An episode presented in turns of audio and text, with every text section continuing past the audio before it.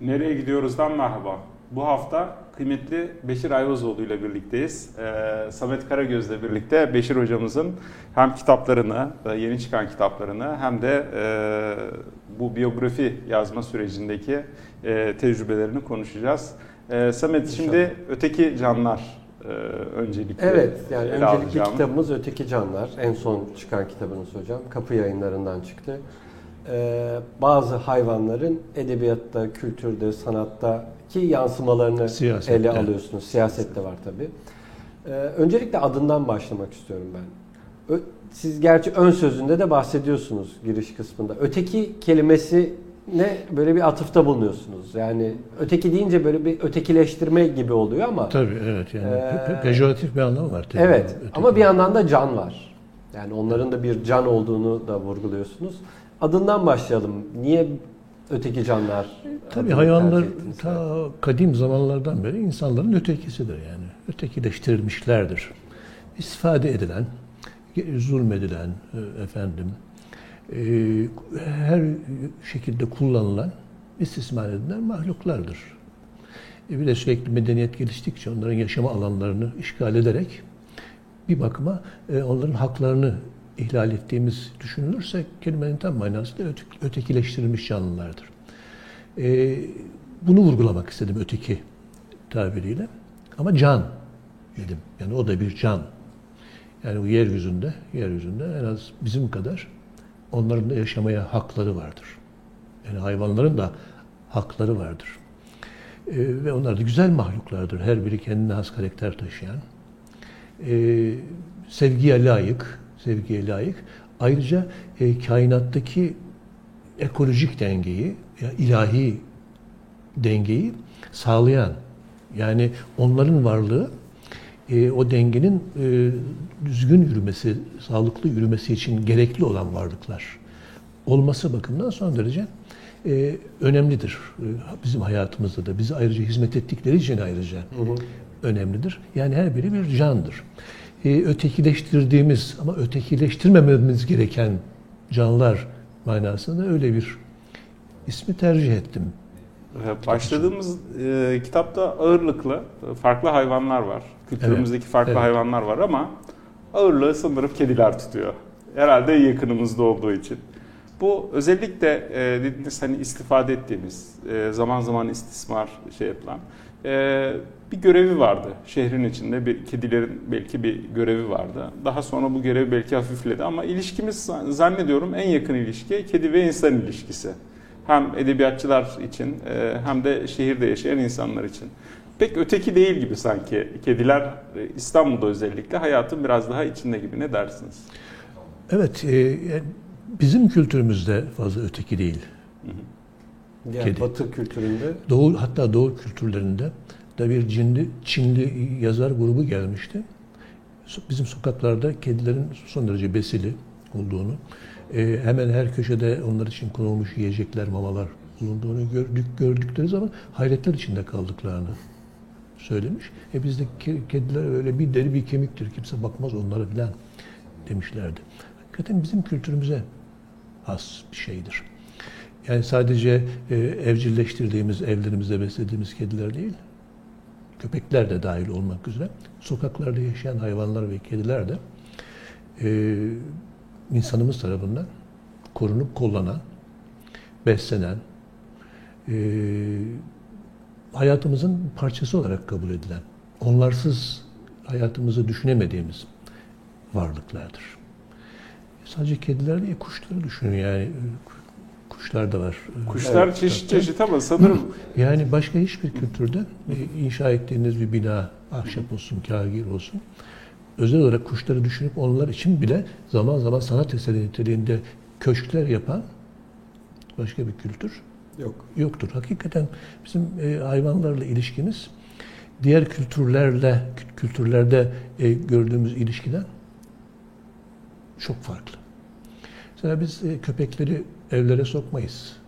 Evet. Çünkü e, köpek e, beslemek zordur. Zordur. E, kediler gibi temiz değildir onlar. Mutlaka yıkamanız gerekir. Ortalığı kirletirler. Namaz Kendini temizlemez. yerlerde Kendini temizlemez. e, evde beslemezler ama sokaklar sokaklar aslında köpeklerin zamanlar Mekanları. cennetiydi. Mekanları değil. Yolun ortasına yatar köpek. Yani gelip geçen insanlar kovmazlar onu. Rahatsız etmemek için. Sağından solundan geçerek giderler. Bunun için vakıflar vardı. İnsanlar mesela köpekler doğurur. Mahallenin kadınları vesaire onlara lohusa muamelesi yaparlar. Özel mekanlar hazırlarlar. Onlara lohusa şerbeti bile hazırlarlar. O köpek itlafı dönemleri vardır. Yani bu itlaf meselesi de köpek itlafı, kedi itlafı o da vardır. Evet, kitapta mesela modern- kedi itlafı beni çok şaşırtmıştı. Evet. Yani hani bilmediğim bu. Ben de karga itlafına yönelik talepler mesela Tabii. hayret ettirdi. Ee, e, evet, e, bunu ondan sonra o e, ihtilaflardan sonra yaşadığımız büyük felaketler, uğursuzluklarla arasında bağlantı kurmuştur Evet. Yani e, bu itlaf aynı zamanda bizde bir modernleşme tecrübesidir. Yani onları sokaklar, sokakları köpeklerden, kedilerden temizlediğimiz zaman batılı Avrupalı şehirlere benzeteceğimizi düşündüğümüz için onları e, tanzimattan, özellikle tanzimattan itibaren sokaklarımızdan uzaklaştırmak için özel programlar uygulamışlardır. O hayırsız ada sürgünleri Hı hı. tam bir felakettir. Bu yüzden e, modernleşmeci devletle ve bürokrasiyle halk arasında bu yüzden sürekli gerilim Evet. yaşanmıştır. Halk ciddi manada Hayvanlardan yana. Tabii, şeyini tabii, koyuyor, tabii, e, tabii. görüşünü. tabii İradesi. yani hayvanları koruyup kollamışlardır, saklamışlardır evlerinde. E, onlar hayvanları toplayış tarzı da son derece vahşi yani. Onları Özellikle mesela anlatmak. kediyle ola- alakalı olan kısım işte salgına neden olduğu için Evet. e, insanlara Tifo. para da vererek, teşvik ederek, hatta hayvanları Beş koruma kuruş, cemiyeti beş kuruş. ve şey yaparak onu Hayvanları destekliyor. Koruma Cemiyeti hayvan itlafının şeyi. destekliyor yani hani. Ha, hayvanları bilimsel koru- olarak böyle olması Hayvanları Koruma söylüyor. Cemiyeti daha e, tıbbi e, usullerle, modern usullerle saniyede bilmem, dak- dakikada bilmem kaç tanesini İtlaf itlaf ediyor. etmek suretiyle e, modern bir usulle yani insani bir tarzda itlaf ediyorlar. Yani daha kolay, daha can vermesini onu Evet. sevginin bir Evet. e, işareti Basında da dikkatinizi çekmiştir mesela. O mesela kedi itlafı sırasında. Ciddi manada kedi severler var. Onlar ciddi savunuyorlar. Bir de modernleşmeci aydınlar var. Onlar da bir an önce yok olsunlar filan. diyorlar. Tabii bir, bir itiraz. Yani kedileri itlaf ediyorsunuz. İşte tifo bulaştırıyor vesaire diye bir tifo salgını sırasında oluyor 1937 yılında. E, ama soruyorlar yani ama bu fareleri temizleyen bir hayvandır. İşte bir denge bu. Tabiattaki bir denge. E, yarın e, fareler çoğalır da vebaya sebep olurlarsa ne olacak? Bu soru da soruluyor. E, Mesela bir benzerini bizde hani mesela kuş gribi çıktığı zaman yani hepimiz Kuş hatırlıyoruz. Kuş itlafı, şey, Tabii kanatlı tavuklu yani tavukları kümeslerde, evlerde beslenen hepsi yasaklandı, itlaf edildi. tabii, Sonra ne oldu? Kene salgını çıktı. tabii, evet. Yani o hayvanlar onları yiyordu yani. Tabii. İşte öyle bir Siz onları ek- ekolojik de- kaldırırsanız- denge var. Yani birini e, itlaf ederek azalttığınız zaman onun o dengede oynadığı e, rolü ortadan kaldırmış oluyorsunuz. O yüzden bir başka problem ortaya çıkıyor. E, bu öyle, öyle yani kedi sever çoktur. Dünyada da bizde de. Yani yazarlar, en popüler hayvan yazarlar, herhalde kedi herhalde. şairler, yazarlar, şairler, efendim, ressamlar. E, o kadar çok kedi sever var ki dünyada ve bizde. Ben işte bizdeki bazılarını Hı hı. anlattım. İşte Refik Halit'inden Mesut Cemil'ine, işte Peyami Safası'ndan, Necip Fazıl'ından, Nazım Hikmet'ine, Ahmet Hamdi Fahri. Celal'ine, Ahmet Hamdi Tanpınar'ına, Nahit Sırrı Örüğü'ne kadar daha yüzlercesi sayılabilir. Fazla günümüze gelmedim çünkü e, ipin ucu kaçacaktı. Müstakil bir kitap olur zaten Müstakil bir kitap olur. belirtiyorsunuz. Diğerleri de yani her birini daha geniş olarak yazmaya kalkışsanız her biri müstakil bir kitap olacak çapta önemli konulardır ki mesela köpekler hakkında yine kapı yayınlarında İstanbul'un sokak köpekleri diye Kemalettin Kuzucu Profesör hı. Kemalettin Kuzucu harika bir kitap yazdı. O tam köpek itlafıyla yani e, köpekleri şehirlerden e, temizlenmesi çalışmalarıyla modernleşme maceramız arasındaki ilişkiyi daha kapsamlı bir şekilde ele aldı. Bu bakımdan önemli bir O kitabı da Kitaptır. listemize alalım. İstanbul'un sokak köpekleri. Evet, Çok İstanbul çok önemli Sokak. yani ciddi bir araştırma. Baba bir kitap olarak çıktı. Şimdi kitapta kediler var, köpekler var, kuş cinsleri var. Güvercin, karga, leylek, Ve e, eşek var. eşek, Eşek var var. Yani Eskiler mer- affedersiniz. Merkep. Affedersiniz eşek derlerdi. Derdi. Daha, çok merkep tabirini kullanırlardı. O da işte eşeğe haksızlık aslında yani. Eşeğin e, her bakımdan olumsuz bir anlam taşıyor Merkep olmasından- bindirilen, üzerine Evet, hakaret, hakaret Evet. anlamı taşıyor olması dolayısıyla eşek demeyi nezakete mugayir de bulunur. Merkep diyerek Mugayir. biraz daha hafifletiyor. Evet, evet. Cihangir'de bir sokak var mesela Merkep Bağırtan Sokak, dik bir yokuş. evet. Yani Merkep Bağırtan. Ne güzel sokak adları vardır değil mi? Merkep Bağırtan Bağırtan bayağı. sokak, O kadar değil. o kadar dik. Ee, bunun haricinde Şeyi e, mesela ön sözde de belirtiyorsunuz. Hani benim de aklıma mesela işte bu kitabı çalıştığınızı da biliyordum. E, mesela papağan bekliyordum ben mesela. Hani bir papağanla alakalı daha fazla yani papağana dair bir şeyler de bekliyordum ama siz tabii kitabın hacmi arttığı için e, mecburen Evet, bir yerde durdurmak pa- gerekiyor. Papağan vardı listemde e, efendim e, geyik Evet. vardı at. At, At. baktım o ayrı bir apayrı. apayrı bir kitap olacak çapta. Baykuş da E, baykuş vardı. Hı. Evet yani belli başlı işte bül bülbül falan vardı vesaire onlar. Ee, baktım yani yazdım altı tane hayvanla neredeyse 500 sayfalık kitap ortaya çıktı. Kitap da hacmi büyüdükçe okuyucu biraz e, ürküyor, Ürküyor, kitaptan. evet. Ürküyor yani. Hacmini e, ölçülü tutmak lazım. Evet. Kitabı. Oku- Lezzeti daha sonra e, İleride, ileride belki e, bir eşref saat olursa onları da İnşallah. Yani mesela ben hani e, papağanda özellikle şimdi Abdülhamit ikinci Abdülhamit'in papağanını biliyoruz. Ama tabii. mesela Cem Sultan'ın da papağanı varmış. Ha, ben tabii, onu tabii. hani çok sonradan Tabii, öğrendim. tabii, yani çok tabii. enteresan. O halde yani konuşan, ciddi konuşan. Evet. şu anda da şeyler var. Padişah papağanlar Cem, var, Padişah kurularda. Cem diye söyletirlermiş. Sonra ölünce de işte Ceme Rahmet, Ceme. Rahmet vesaire. Yani mesela onu yazdım ben. O, o, o ayrı bir bölüm olarak yazdım. Duruyor Hı hı. onu. Cem'in papağanı. İnşallah Ee, onu da okuruz bir gün. Evet. Mesela Niyazi Bey'in geyiğini de kapsamlı bir şekilde yazdım.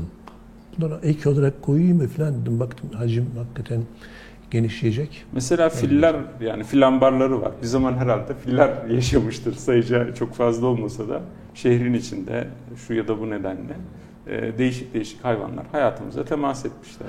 Tabii ciddi araştırmak lazım. Yani kültür, fil hayatımızda fazla olmadığı için onun etrafında bir kültür Oluşmamış. oluşmamış. Hindistan'da herhalde çok zengin fille ilgili çok zengin bir kültür vardır.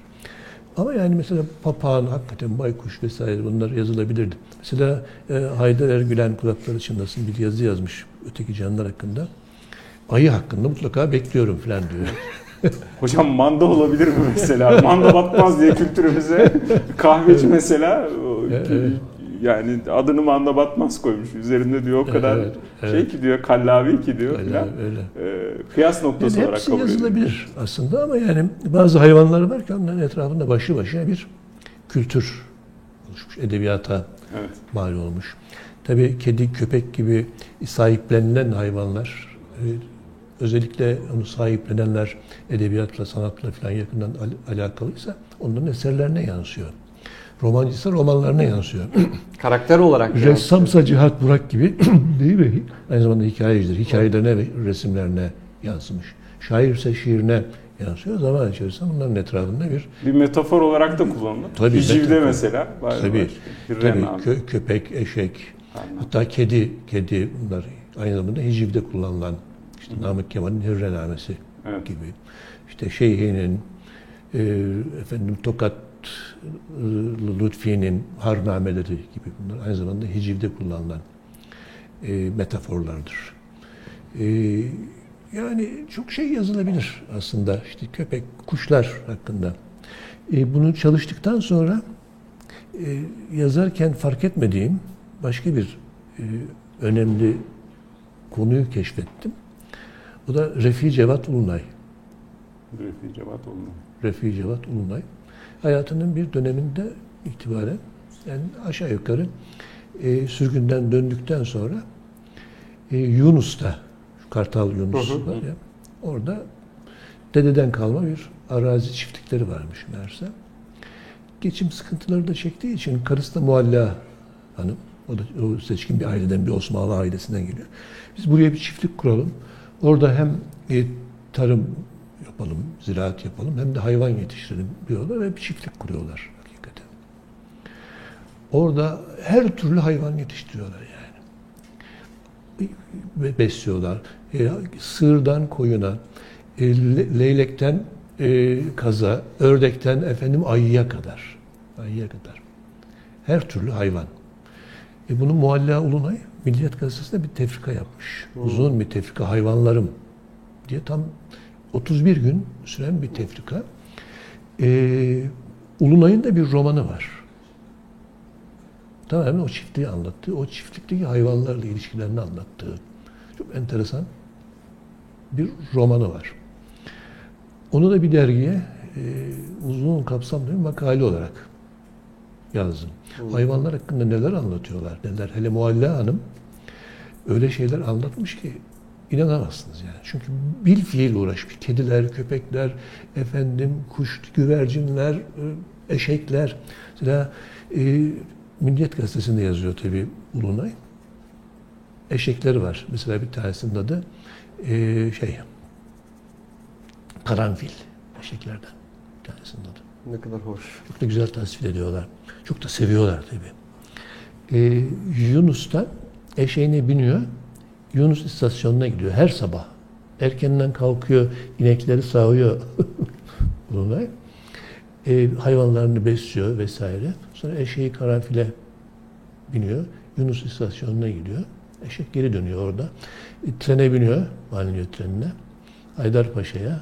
Haydarpaşa'dan vapurla köprüye, köprüden tramvayla veya dolmuşla Cağaloğlu'na çıkıyor.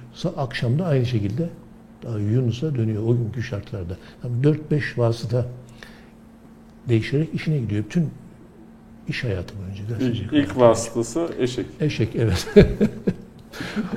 Çok hoş, o kadar da güzel anlatıyor ki Bir Başka Dünya diye bir romanı var. Orada bütün bu hikayeyi anlatıyor ama orada mistik bir e, atmosfer kuruyor. Hayvanlarla konuşabilen birisi Hmm. var. Bir kutup, e, tasavvufi manada kutup gavs olarak tasvir ediyor. Hayvanlarla konuşabiliyor yani. Rahatlıkla onlarla ilişki kurabiliyor. Ve enteresan bir şey. Yani karısının anlattıklarıyla Ulunay'ın romanda anlattıkları birebir örtüşüyor. Farklı şekillerde aynı Evet, şeyi anlatmış. evet. Hayvanlardan hiç şikayeti yok. Yok fakat çiftlikte çalıştırdıkları insanların saygısızlıkları yüzünden o insanlarla uğraşmaktan artık bunaldıkları için en sonunda çiftliği bırakıyorlar. Hocam hakaret olarak diyorlar. e, söylenir ya böyle hayvan işte değişik hayvan isimleri de söylenebilir. Hayvanlık vesaire derler. Aslında bu biraz e, haksızlık etmiş oluyoruz. Anlaşması Evet, herhalde evet. daha kolay gibi böyle bir durum var. Hocam bir de şeyi soracağım. Bu öteki canlardan önce şimdi de Saatler, Ruhlar ve Kediler kitabınız Hı. var. Yani burada da kedilere e, müstakil evet. bir yer Zaten ayrılmış. işte ipuçları orada ilk şey, hatta eşek yazısı da var. evet, orada. eşekle de alakalı Karga da var. var. Karga var. Çok genişledi buraya girerken Aha. bölüm oldu. Bu sizin çalışma metodunuzla da alakalı bir ipucu veriyor aslında bize. Öyle düşünüyorum ben. Yani hani orada nüvesini görüyoruz. O daha sonra e, genişleyip Biraz spoiler diyorlar ya hocam. Yani ilgilendiğim hiçbir konunun peşini bırakmam. Yani her baskıda her baskıda mutlaka yeni bir şeyler vardır. Kitapta ilaveler olur. Yani tekrar baskı değildir hiçbir tanesi. Yeni yeni edisyondur. Ee, tabii yani çalışırken e, çalıştığınız, okuduğunuz, araştırdığınız, taradığınız arşivde olsun, kütüphanelerde olsun e, koleksiyonlar içinde gezinirken bir yan ilgi çekici şeyle karşılaşıyorsunuz. Ama bu ilginizi çekmeye başlıyor. Hadi şu kenarda dursun diye en azından künyesini not ediyorsunuz. Şimdi daha kolay biliyorsunuz. Dijital makinelerimiz var ya. Evet, evet. şakır şakır şakır çekiyorsunuz. Eskiden not alıyorduk. Bir daha gidersin, bakarsın. falan. Bunlar bir görev olarak daha sonra Evet. e, Onlar tas, tasnif ediliyor, sonra. tasnif Evet. ediliyor. Tabii bir de hani bu biyografi yazarlığının e, enteresan bir tarafı var.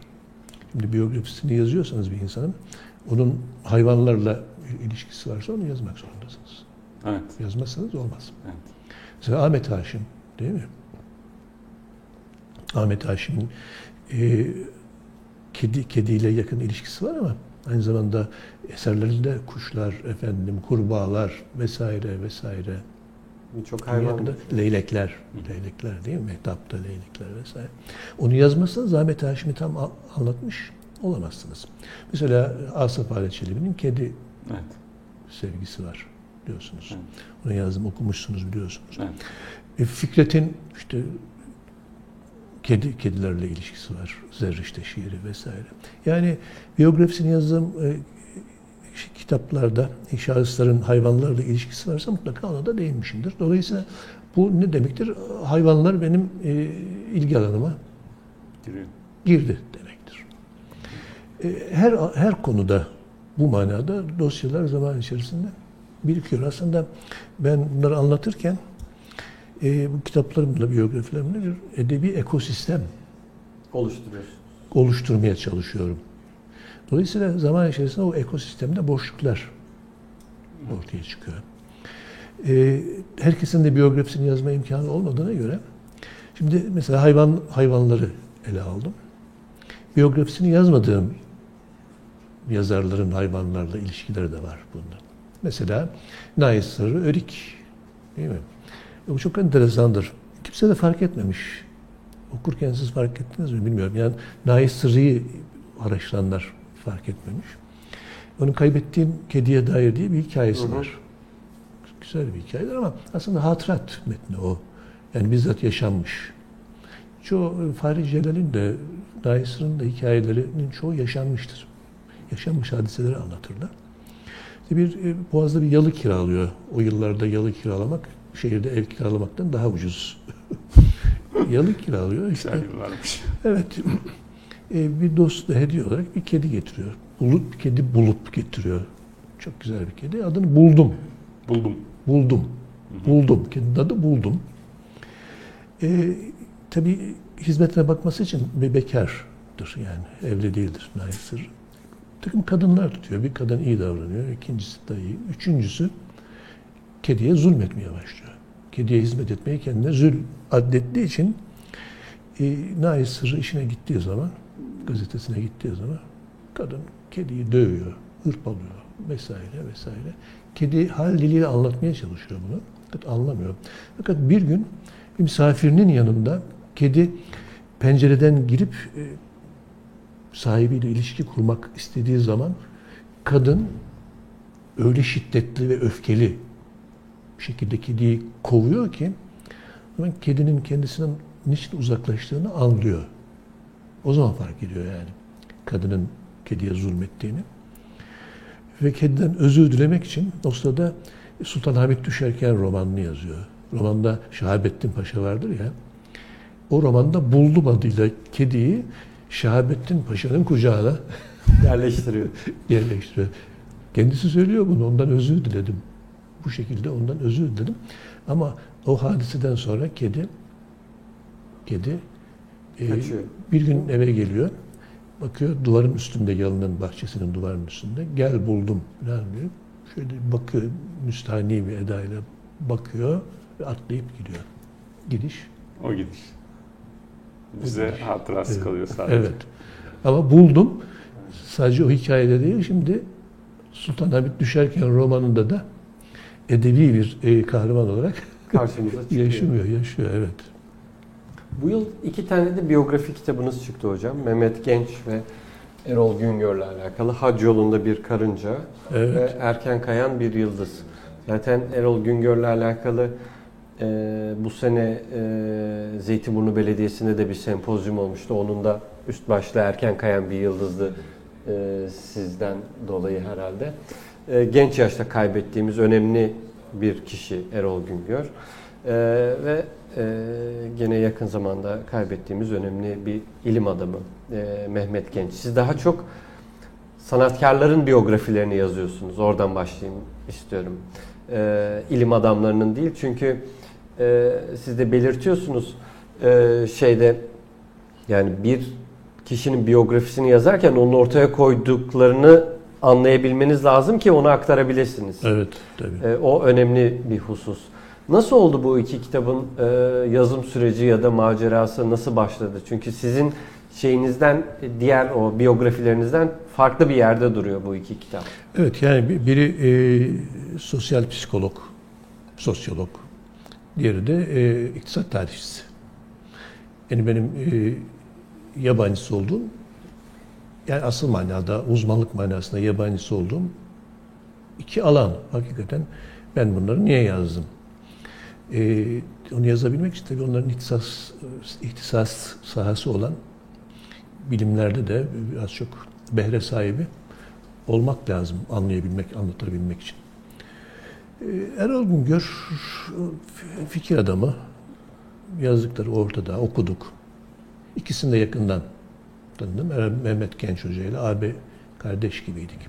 Erol Bey'i tanıdığımda biz gençtik. Ancak yakında sokulur, dinlerdik sohbetlerini vesaire. Arada, bir, arada sırada bir soru moru sorardık ama çok genç olduğumuz için o zaman öyle bir yakın arka, dostluk, arkadaşlık ilişkisi oluşmadı. Ama mesela benim Aşk Estetiği kitabını okuduğunu, beğendiğini biliyorum. Ee, bir- Birçok sohbetine, Marmara Kıraathanesi'ne de sohbetine katıldım. Ee, hatta bir e, sohbetinde soru sormuşum.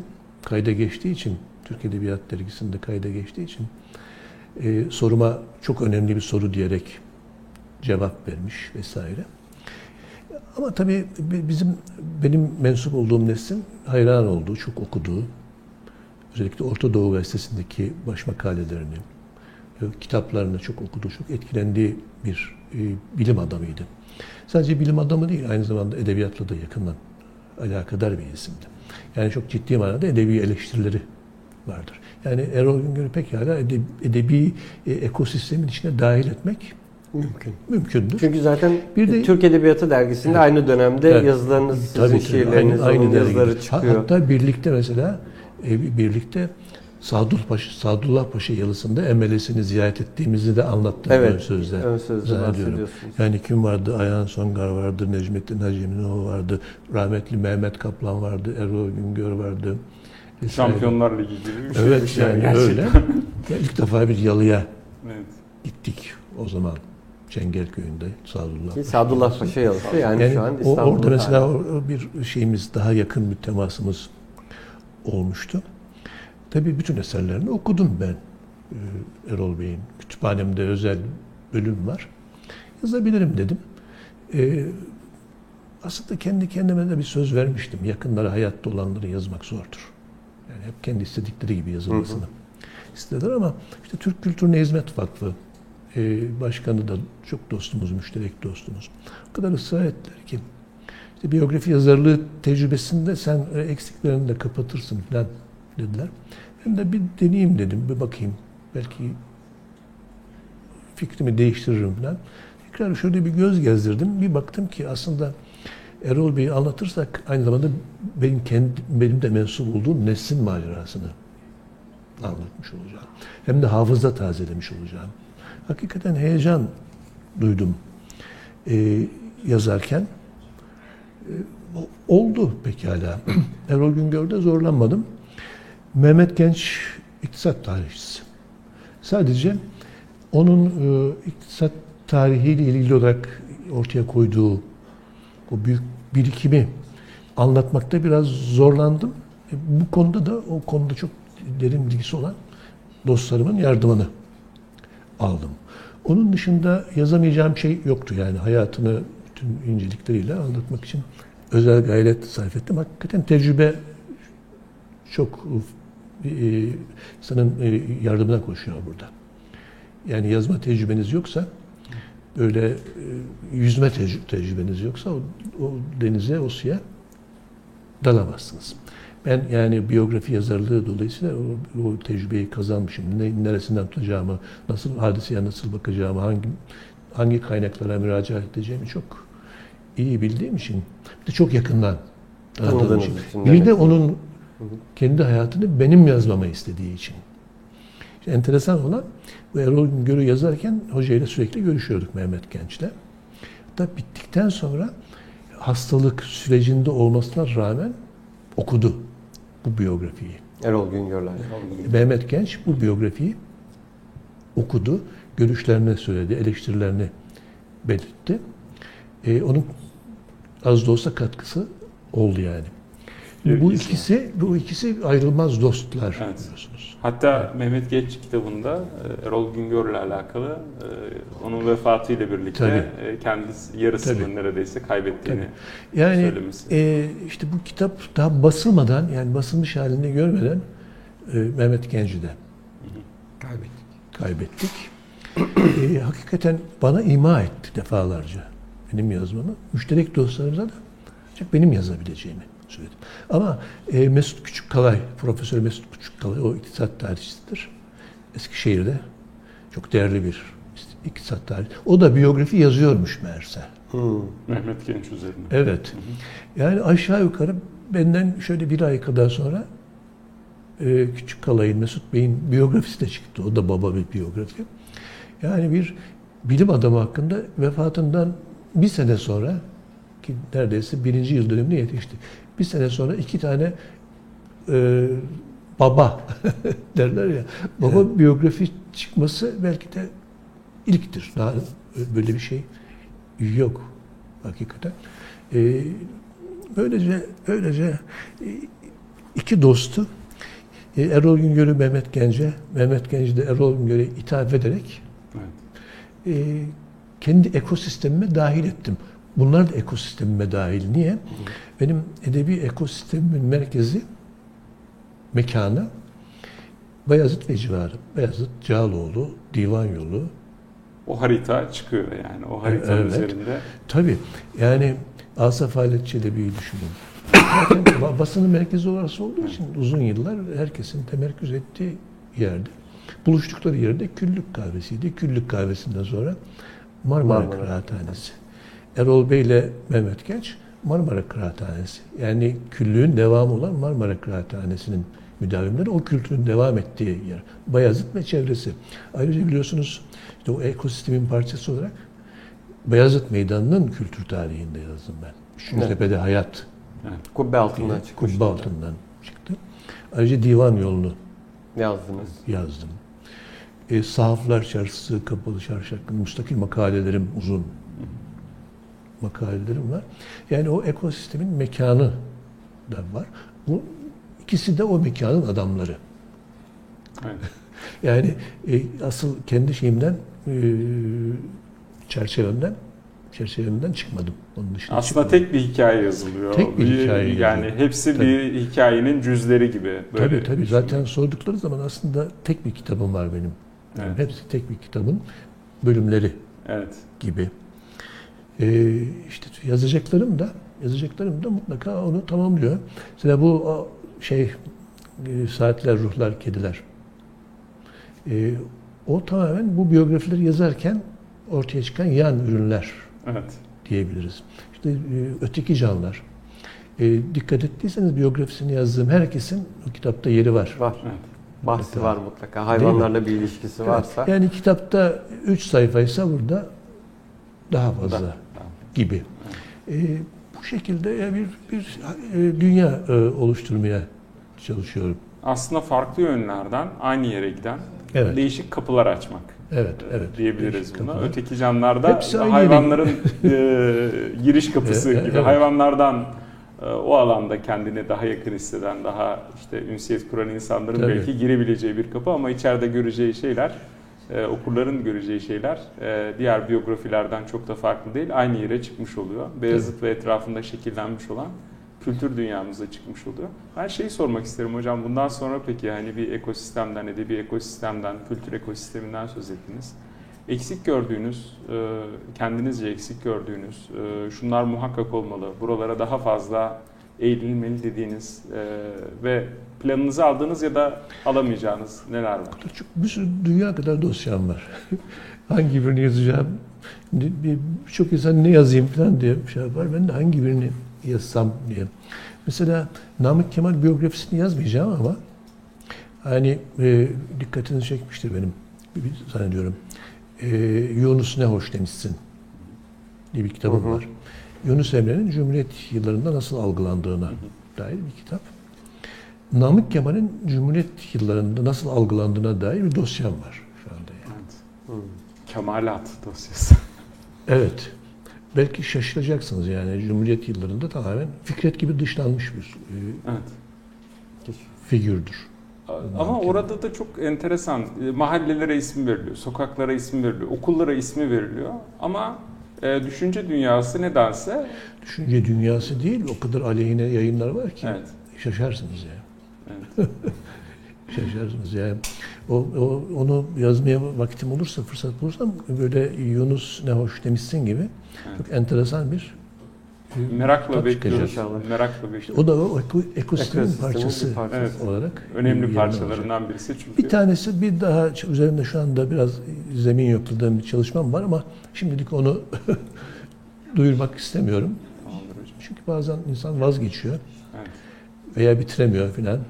Öyle başıma birkaç tane Bazıları tabii zor yani hani mesela Fikret kitabınızda şimdi siz sonuçta daha çok Mehmet Akif çizgisinde kendinizi konumlandırıyorsunuz. Ama biraz da o, yani biyografisini yazdığınız kişiye de objektif de yaklaşmak gerekiyor. O Fikret kitabı o açıdan hani e, bence çok önemli bir kitaptı yani.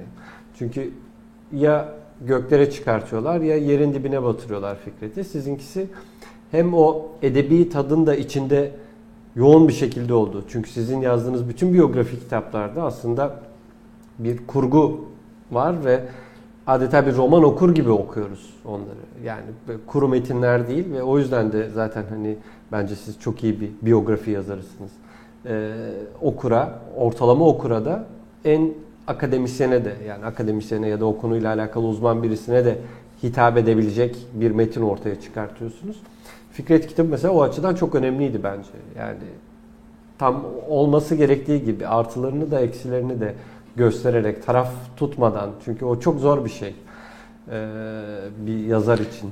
Tabii yani biyografi yazarlığının alfabesi e, duygularınızı yani sempatilerinizi, antipatilerinizi paranteze alıp bir tarafa koyacaksınız. Yoksa e, ya şeytan yaratırsınız ya da put evet. dikersiniz. Yani insan insan beşer hatalarıyla, sevaplarıyla beşerdir. Yani hiç kimse mükemmel değil. E, ben e, sevdiğim yazarların da rahatlıkla e, kusurlarını falan saklamadım. Varsa, varsa problem. saklamadım yani onları da yazdım. Fikret'in de meziyetlerinde, kusurlarında her şeyini e, hakikaten bir kenara koyarak duygularımı, düşüncelerimi anlatmaya çalıştım. Ee, öyle olmazsa zaten yazmanızın bir anlamı yok. Dünya kadar kitap var öyle. Evet. Dünya kadar kitap var. Ve çok da kalıcı olmaz zannediyorum. Tabii. Ee, özünden uzaklaşmış olur o insanı kaçırdığınız Tabii. zaman. Ve yani ya bir iş yaptığınız zaman işinizi ciddiye alacaksınız. Yani. Tüm kaynaklara ulaşacak. Ulaşabildiğiniz her şeye ulaşmazsanız eksik kalır. Ee, mesela aleyhinde bir şeydir, onu saklamazsınız. Evet. Lehinde bir şeydir. Yani mesela düşmansanız onu iyi gösterecek bir şeyini saklarsınız. Kötü biyografi yazarı öyledir. E, dostsanız e, onu kötü gösterecek bir şeyi saklarsınız. Olmaz. Bir günde birisi çıkar pat diye yüzünüze evet. vuru verir. Ben bazı biyografi yazarlarına öyle pat diye vurdum yani. Evet bildiği halde saklamak Sak, ya da saklıyor, yeterince ve gık çıkmadı. Hiçbirinden gık çıkmadı. Evet. Yani e, hiçbir şey sonuna kadar gizli kalmaz. Kalmaz. Bu yüzden e, vaz e, bir sağlam sağlıklı biyografi yazabilmek için e, biyografisi yazılan kişinin çok yakınlarının hayatta olmaması, fanatiklerinin olması lazım. Yani arada en az bir 50 sene geçmeden yazmak zordur. Niye böyle yazdın? Niye şunu yazdın? Niye bunu yazmadın? Vesaire şu bu bir yan problem çıkarırlar. Başını derde bile girebilir. muhakkak, muhakkak. Herkes çok serin Evet. kanlı olmayabilir. E, evet. Onun için e, zamanın geçmesini Evet. beklemek lazım. E, çok yakında yaşamış olanları yazmadım işte Erol Bey, Mehmet Genç Hoca. E, bunlar hakikaten böyle saf bilim adamları. Yani bilimden başka bir şey Evet. düşünen insanlar değil. Yani e, dolayısıyla ben problem yaşamadım ikisinde de. Yakınlarından da bir eleştiri gelmedi. Gelmedi. E, ama yani öyle e, karakterler var ki onlar e, ideolojik kavgalarda mevzileri tahkim eden evet. isimlerdir. Kendilerinden öte kişiler Evet. haline gelmişlerdir Evet, işte onları yazmak çok zordur. Evet. Çünkü e, illa birinin putuna Evet, dokunma, dokunma Birinin nasırına riski. Basmış Evet. oluyorsunuz. Onları yazmak zordur. Onları yazmak için aradan şöyle bir 50 60 70 sene geçmesi lazımdır. Yazı, yazarsınız ama e, olmaz yani. Evet. Çok teşekkür ediyoruz hocam. Çok Ee, teşekkürler hocam. rica ederim. Ayağınıza Ben teşekkür ederim. Latince'de festine lente diye yavaşça acele etmek diye bir şey var. Kitaplarınız o tadı bırakıyor. Hepsi çok acele e, ile bir şeyler anlatmaya çalışıyor aslında. Bize heyecanla bir şeyler söylüyor ama bir o kadar da demlenmiş metinler gerçekten. E, elinize, yüreğinize sağlık. Çok teşekkür ediyoruz Ben bizlere teşekkür bu, ederim. bu eserlerle buluşturduğunuz için. Sağ olun. Çok teşekkürler. E, ederim. nereye gidiyoruzdan bu haftalık bu kadar. Önümüzdeki hafta bir arada olmak dileğiyle. Hoşçakalın.